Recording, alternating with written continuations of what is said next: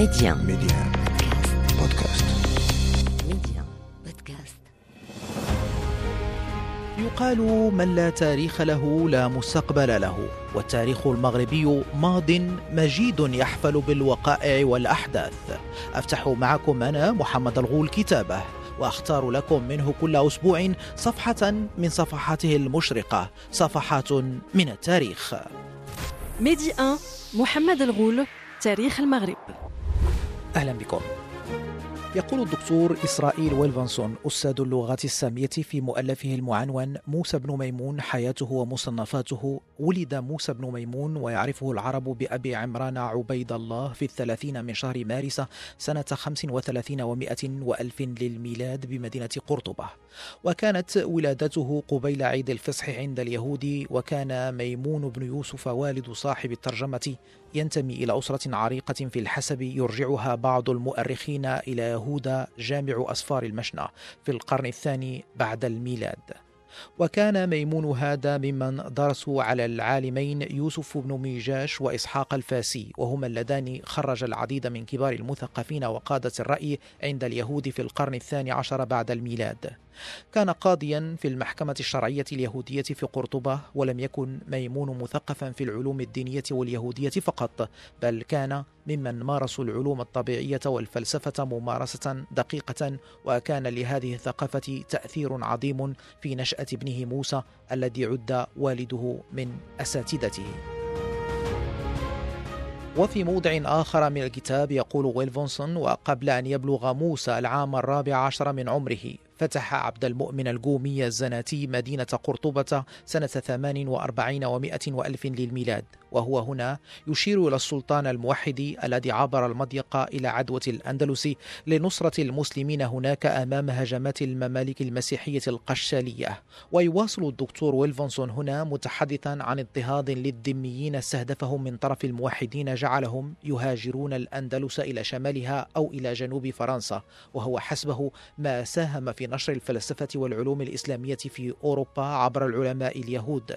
لكنه هنا يسقط في فخ تناقض فيتحدث عن تضييق من الموحدين جعل علماء اليهود ينزحون عن الأندلس.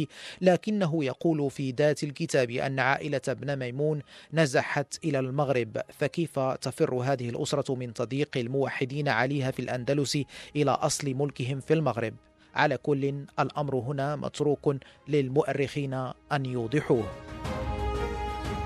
نستمر في نقلنا عن مؤلف الدكتور إسرائيل ويلفونسون أستاذ اللغات السامية مؤلفه المعنون موسى بن ميمون حياته ومصنفاته. حيث كتب وكان ممن نزح من قرطبة أسرة ميمون التي كانت مكونة من الوالد وولدين وبنت واحدة. أما الأم فكانت قد توفيت بعد أشهر قليلة من ولادة موسى. وقد حلت أسرة ميمونة في مدينة ألميريا جنوب الأندلس بعد أن دخلت في حوزة المسيحيين سنة 43 ومائة وألف. وكان قد حل فيها في ذلك الوقت الفيلسوف أبو الوليد محمد بن رشد الذي كان من أهل قرطبة ثم هاجر منها بسبب نزعته الفلسفية التي أثارت عليه الرأي العام. وبعد أن أقامت أسرة ميمون في ألميرية ونواحيها 12 عاما نزحت إلى المغرب في سنة 60 ومائة وألف بعد أن دخلت في تلك السنة ألميرية عنوة في أيدي الموحدين وكان فتحها على يد أبي يعقوب يوسف بن عبد المؤمن القومي واستقرت أسرة ميمون في مدينة فاس.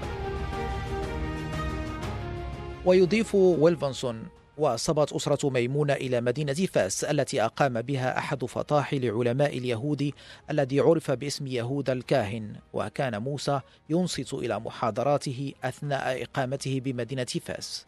ومن ناحية أخرى لم يقطع علاقته بالفلاسفة من المسلمين بل استمر في جمع المعلومات من علمائهم الذين كانوا في مدينة فاس. هنا في هذه المدينة حاضرة المغرب العلمية ستبدأ شهرة موسى بن ميمون المعرفية والعلمية وخاصة بين العلماء والتلاميذ في رحاب الجامعة العتيدة والعريقة القرويين. وفي تقديم الناشر لمؤلف دلالة الحائرين وهو أحد أشهر كتب موسى بن ميمون وترجمه إلى العربية دكتور الفلسفة الإسلامية وعلم الكلام الدكتور حسين أتاي يقول الناشر في تقديمه للكتاب من المعلوم أن موسى بن ميمون تلقى العلم على يد ثلاثة من العلماء المسلمين وهو أحد تلامذة أبي بكر بن الصائغ وابن الأفلح وابن رشد. ويصرح ابن ميمون بأنه تلقى العلم من العالمين الأولين إلا أنه لا يذكر ابن رشد بين شيوخه على أنه يقول في رسالته التي كتبها العام 1191 ميلادية أنه حصل على كل مؤلفات ابن رشد فيما عدا كتابه الحس والمحسوس. وبما أنه توفي في العام 1204 للميلاد فقد قرأ كل مؤلفات ابن رشد في 13 سنة. ونستطيع أن نقول أنه خلال قراءاته وتصحيحاته العربية لكتابه دلالة الحائرين قد رجع إلى كتب ابن رشد واستفاد منها. ويؤيد الأستاذ الدكتور بانس ما نذهب إليه من أن تأثير ابن رشد واضح في كتاب دلالة الحائرين. وعلى العموم فقد اتفق غالبية المترجمين في أن موسى بن ميمون في كل علومه تأثر بالعلماء والعلوم الإسلامية أيما تأثر. حتى أن الكثيرين يعتبرونه عالما أو فيلسوفا مسلما وقد كان لهذا كثير الأثر في أن طائفته وإن كان أبرز علمائها جاذبته العداء طيلة حياته. وقد بين الشيخ مصطفى عبد الرزاق الذي كتب مقدمة كتاب الكاتب إسرائيل ويلفنسون عن حياة موسى بن ميمون أن موسى يجب أن يعتبر من الفلاسفة المسلمين وسرد الأدلة على ذلك. والدكتور إسرائيل ويلفنسون نفسه في كتابه عنه قال لا نعرف أحدا من أبناء جلدتنا غير ابن ميمون قد تأثر بالحضارة الإسلامية تاثرا بالغ الحد حتى بدت آثاره وظهرت صبغته في مدوناته من مصنفات كبيرة ورسائل صغيرة ولا بدع فقد نشأ في بيئة عربية واتصل بكثير من عظماء الأندلس وبلاد المغرب ومصر. ومن أشهر مؤلفات موسى بن ميمون إضافة إلى دلالة الحائرين الكتاب الفلسفي الجدلي والديني الذي طالما كرهه أحبار اليهود وحاربوه رغم أنهم يقرون علمه وغزارة معرفته حتى أنهم لقبوه بموسى الثاني في إشارة إلى موسى النبي. أيضا هناك كتاب الفصول في الطب وكتاب عن مرض الربو وآخر في السموم والتحرز من الأدوية القاتلة بالإضافة إلى اختصار الكتب الستة لجالينوس وتدبير الصحة وشرح العقار حيث أن موسى بن ميمون العالم اليهودي الأندلسي المغربي كان على غرار علماء المسلمين في ذلك الزمن عالما موسوعيا يعمل في عدة علوم بشكل متزامن العلوم الدينية والفلسفية والعلوم الحسية التجريبية. وتأ تأثر بعمالقة الطب والعلم مثل ابن سينا وابن باجة والفارابي وابن رشد. ولتقريبكم أكثر مستمعين من هذه الشخصية الفريدة التي تشكل جزءا من التاريخ المغربي الأندلسي الفيلسوف والعالم الذي تجمع فيه ما تفرق في غيره فيلسوف وطبيب يهودي مسلم مغربي أندلسي وخريج الجامعة العريقة القرويين. نستضيف لكم الأستاذ الباحث في علوم السوسيولوجيا مصطفى العوزي. بداية أستاذ مصطفى مرحبا بك على إذاعة ميديا. مرحبا وشكرا جزيلا على الاستضافة الطيبة. أستاذ مصطفى حديثنا اليوم في تاريخ المغرب على هذه الشخصية المتميزة في تاريخ آه، لأقول الإنسان بصفة عامة آه، ابن ميمون آه، الفيلسوف والفلكي والطبيب وعالم الدين إن صح التعبير لكن إذا أردنا أن نعرف بهذا هذه الشخصية المتميزة ابن ميمون ماذا يمكن أن نقدم له كتعريف لشخصه ونشأته؟ بداية موسى بن ميمون هو فيلسوف وطبيب آه، وعالم فلك يهودي أندلسي مغربي. آه، عاش بمدينة قرطبة حيث ولد وترعرع بها. آه، ازداد بها سنة 1135 وتوفي في سنة 1204 عرف أو اشتهر بلقبه في الأوساط الغربية باسم ميمونيديس. آه، كما يشار إليه أيضا باسم الحاخام موشي بن ميمون واشتهر عند العرب بلقب الرئيس موسى. كما قلت هو كان فيلسوفا يهوديا سفرديا وكان أيضا عالم فلك وطبيبا بارعا بالإضافة إلى اهتماماته الأخرى المتعددة.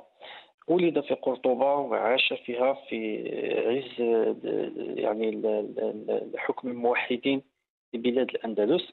ثم بعدها انتقل رفقة عائلته إلى فاس آه، حوالي سنة 1159 وهناك في فاس درس في جامعتها الشهيرة جامعة القرويين. وتأثر كثيرا بالمفكرين والفلاسفة والعلماء المسلمين. وأخص بالذكر هنا آه، أبو الوليد بن رشد. ثم بعد ذلك انتقل رفقة عائلته في سنة 1165 إلى فلسطين. وبعدها استقر في مصر في نهاية المطاف آه، إلى أن وافته المنية. وفي مصر عمل آه، نقيبا للطائفة اليهودية كما عمل طبيبا للسلطان الأيوبي آنذاك صلاح الدين الأيوبي. واشتهر ببراعته في الطب وقدرته الخارقة على آه، علاج مجموعة من الأمراض. آه، رغم أنه كان يتبع في علاجه للأمراض آه، أسلوبا بسيطا ينطلق من النظام الغذائي. إذا قلت بن ميمون يعني شخصية فريدة من نوعها يعني اجتمع فيه ما تفرق في غيره. فمن جهة هو طبيب فيلسوف حاخام عالم فلك. استفاد بن ميمون يعني بالخصوص يعني هذا الغنى ولا هذا التنوع المعرفي الذي تميز به بن ميمون كان وليد الفترة وأيضا البيئة التي عاش فيها في الأندلس وهي بيئة كانت تتسم بتسامح وتلاقح الحضارات إلى غير ذلك. حتى لدرجة أن ابن ميمون في كثير من كتابته تأثر كثيرا بعلوم المسلمين وتأثر أيضا بالمتصوفة والمتكلمة وبعلم التوحيد الإسلامي إلى غير ذلك. أستاذ مصطفى ابن ميمون هذه الشخصية الفيلسوف والفلكي والطبيب آه، نشأ بالأندلس وانتهى به المطاف في مصر كما ذكرت بعد مروره آه، من فلسطين. آه، قد يقول القائل هنا وما علاقته بالمغرب؟ ونحن نتحدث هنا ضمن مساحة عنوانها تاريخ المغرب. اولا بن ميمون عاش على عهد دولتين مغربيتين اللي هما الدولة المرابطية ثم الدولة الموحدية واستقر في فاس وهناك درس بجامعة القرويين. ومعلوم أن معظم العلوم التي تلقاها وتفقه فيها وبرع فيها ابن ميمون تلقاها بجامعة القرويين. وهو بطبيعة الحال يشير إلى هذا الأمر ويشير إلى أن جامعة القرويين وأساتذتها وعلمائها وشيوخها كان لهم الفضل الكبير على معظم الأفكار التي يعني معظم الأفكار التي تلقاها وأيضا على معظم كتاباته. وبطبيعة الحال وهذا واضح في آه، كتاباته منها مثلا دلالة الحائرين أو المبادئ 13 يتضح فيها تأثره الكبير بعلم الكلام وأفكار المتصوفة المسلمين وهذا كله تلقاه في في فاس فاس آنذاك التي كانت يعني منارة علم وكانت يعني نقطة جذب بالنسبة لمعظم الدارسين أو المهتمين أو الراغبين في الاطلاع على علوم مختلفة. يعني كما نتحدث اليوم مثلا عن جامعات أمريكية أو جامعات بريطانية أو جامعات فرنسية عريقة كانت آه، جامعة القرويين آنذاك يعني منارة علم تستقطب معظم المهتمين والدارسين والباحثين. وبالتالي يعني حياته في فاس وهو استقر يعني مدة لا بأس بها في فاس يعني تعلم فيها وتلقى فيها علوما ولكن في نفس الوقت واستفاد من جو التسامح والانفتاح الذي تميز به المغرب آنذاك وهو ما ساعده على التعبير عن أفكاره بمطلق الحرية خصوصا أننا نعلم أن ابن ميمون في كتابته يعني حاول فقاد الكثير من مبادئ اليهودية أو بالأصح عمل على محاولة تصحيحها. اذا هو استفاد من هذا المناخ العام الذي وفرته له البيئة المغربية. ومدينة فاس بالخصوص فعلا آه، أستاذ آه، مصطفى آه، نشأته في الأندلس كانت في إطار حكم دولة مغربية وكذلك بيته أو البيت الذي أقام به في مدينة فاس لا زال متواجدا إلى حد اللحظة شاهدا على هذا التاريخ الذي نتحدث عنه. أستاذ مصطفى ذكرت بأن ابن ميمون درس بجامعة القرويين وهذا حدث نادر ومتميز. نتحدث هنا عن عالم يهودي يدرس في جامعة إسلامية. حدث متميز. ما هي الظروف المحيطة بهذا الحدث؟ كيف حتى وصل ابن ميمون للدراسة في مدينة فاس وبجامعتها الشهيرة آنذاك؟ آه، الأمر ارتبط اولا بالهجرات التي قام بها اليهود والمسلمين من الأندلس نحو المغرب. وفي هذه الفترة هاجر ميمون رفقة أسرته إلى مدينة فاس. لكن لم يكن هذا هو السبب الرئيسي أو السبب الوحيد وإنما السبب ذلك كان هو رغبة بن ميمون في الاطلاع على مجموعة من العلوم والتفقه فيها ودراستها بجامعة القروية خصوصا أن كثير من العلماء الأجلاء والشيوخ كبار يعني كانوا يدرسون بجامعات القرويين حتى أن معظم الكتابات يعني المجلدات والمصنفات الهامة في علوم مختلفة كالفلسفة وعلم الكلام والطب والفلك إلى ذلك. كلها كانت متوفرة بجامعات القرويين. يعني جامعة القرويين كانت بمثابة يعني نقطة جذب لمختلف العلماء يعني سواء في المغرب أو في الأندلس. يعني الاطلاع أكثر أو لتتسع معارفه ومدركته كان لزاما عليه المرور بجامعة القرويين والتعلم أو الدراسة الدراسة بها. جامعة القرويين كما هو معلوم لم تكن يعني فضاء علميا حكرا على المسلمين وإنما كان متاحا للجميع يعني سواء المسلمين أو اليهود أو النصارى الكل كان يتعلم هناك على اعتبار أن المعرفة والعلم آه، لم تكن حكرا على ديانة آه، معينة وإنما كان من حق الجميع أن يتعلم وأن يدرس وأن يتفقه بغض النظر عن انتمائه الديني. وهذه خاصية أساسية وميزة استثنائية ميزت المغرب خلال هذه الفترة. أن تكون جامعة إسلامية ببلد إسلامي على عهد دولة إسلامية اللي هي الدولة يعني كانت جامعة بمعنى الجامعة الحديثة المتعارف عليها حاليا أستاذ مصطفى. بالضبط بالضبط. وأن تستقطب يعني الطلبة والباحثين والدارسين من ديانات مختلفة فهذا دليل قوي جدا على قوة التسامح والإيمان بالتنوع وبالتعدد إلى غير ذلك. يعني وهذا الأمر لا ينكره ابن ميمون في كتاباته فهو يشير إلى فضل جامعة القرويين وفضل مدينة فاس وأيضا فضل البيئة والأجواء وأجواء الانفتاح والتعدد والتنوع التي طبعت وميزت فاس خلال تلك الفترة وأثرت عليه أيضا إلى درجة أنه يعني استلهم الكثير من تعاليمه ومبادئه من الديانة الإسلامية. لهذا يقولون بأنه حاول تنقية الفقه اليهودي انطلاقا من الفقه آه، أو من قناة الفقه الإسلامي. آه، أستاذ مصطفى بن ميمون آه، عالم كما ذكرنا نال شهرة واسعة في عدد من المجالات العلمية. لكن الفلسفة كانت ربما أشهر مجالات عمله وخلف بها أثارا واضحة خاصة دراسته لفلسفة ابن رشد التي كان مرجعا فيها رغم أنه اصطدم بالأحبار اليهود إلى درجة الكراهية والعداء. ماذا يمكن أن نقول في المسار العلمي لابن ميمون أستاذ مصطفى؟ آه، يعني بخصوص الإنتاج الفلسفي لابن ميمون كما أشرت يعني هو تأثر بشكل كبير بالفيلسوف المسلم الشهير أبو الوليد بن رشد. آه، آه، تأثره ابن رشد كان في نقطة رئيسية وهي أهمية العقل أو دور العقل في بناء إيمان أو معتقد صحيح وسليم. يعني ابن ميمون على غرار بن رشد كان يرفض الإيمان بالتبعية إيمان بالجهل وإنما الإيمان بالله ينبغي أن يكون إيمانا بالمعرفة والمعرفة لا يمكن بلوغها أو لا يمكن إدراكها إلا بواسطة العقل. العقل هو نور فطري يهتدي به الإنسان. يعني وكما آه، قال رشد في قولته الشهيرة إن الله لا يمكن أن يعطينا عقولا ويعطينا شرائع تعارض هذه العقول. يعني آه، بمعنى أن العقل هو منارة الإنسان وهو الموجه للإنسان وهو دليله إلى وجود الله وإلى إدراك حقيقة الخالق. فنفس الشيء بالنسبة لابن ميمون.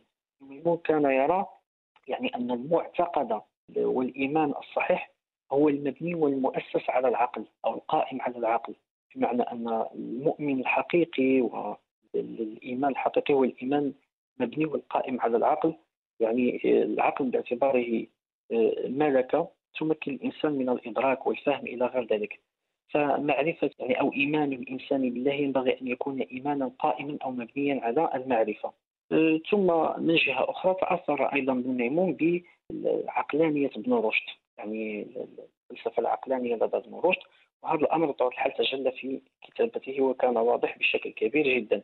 رغم أنه لم يتتلمذ بشكل مباشر على يد ابن رشد وإنما درس أو تتلمذ بشكل غير مباشر على يد ابن رشد وقرأ معظم مصنفاته حتى أنه يعني استوحى الكثير من أفكاره ومن تصوراته من فلسفة ابن رشد. نحن نعلم أن ابن رشد كان واحدا من أهم فلاسفة الأندلس في القرون الوسطى ويعتبر أهم مرجع في الفلسفة الإسلامية. أستاذ مصطفى العوزي الباحث في علوم السوسيولوجيا شكرا جزيلا لك على كل هذه المعطيات القيمة حول هذه الشخصية الفريدة من نوعها. شكرا. أذكركم مستمعينا أنه يمكنكم متابعة كل أعداد تاريخ المغرب حصريا بعد الاستماع لها على أثير إذاعة ميديا عبر تحميل تطبيق ميديا بودكاست. وإلى عدد جديد من تاريخ المغرب أقول لكم مستمعينا إلى اللقاء. ميدي 1 محمد الغول تاريخ المغرب.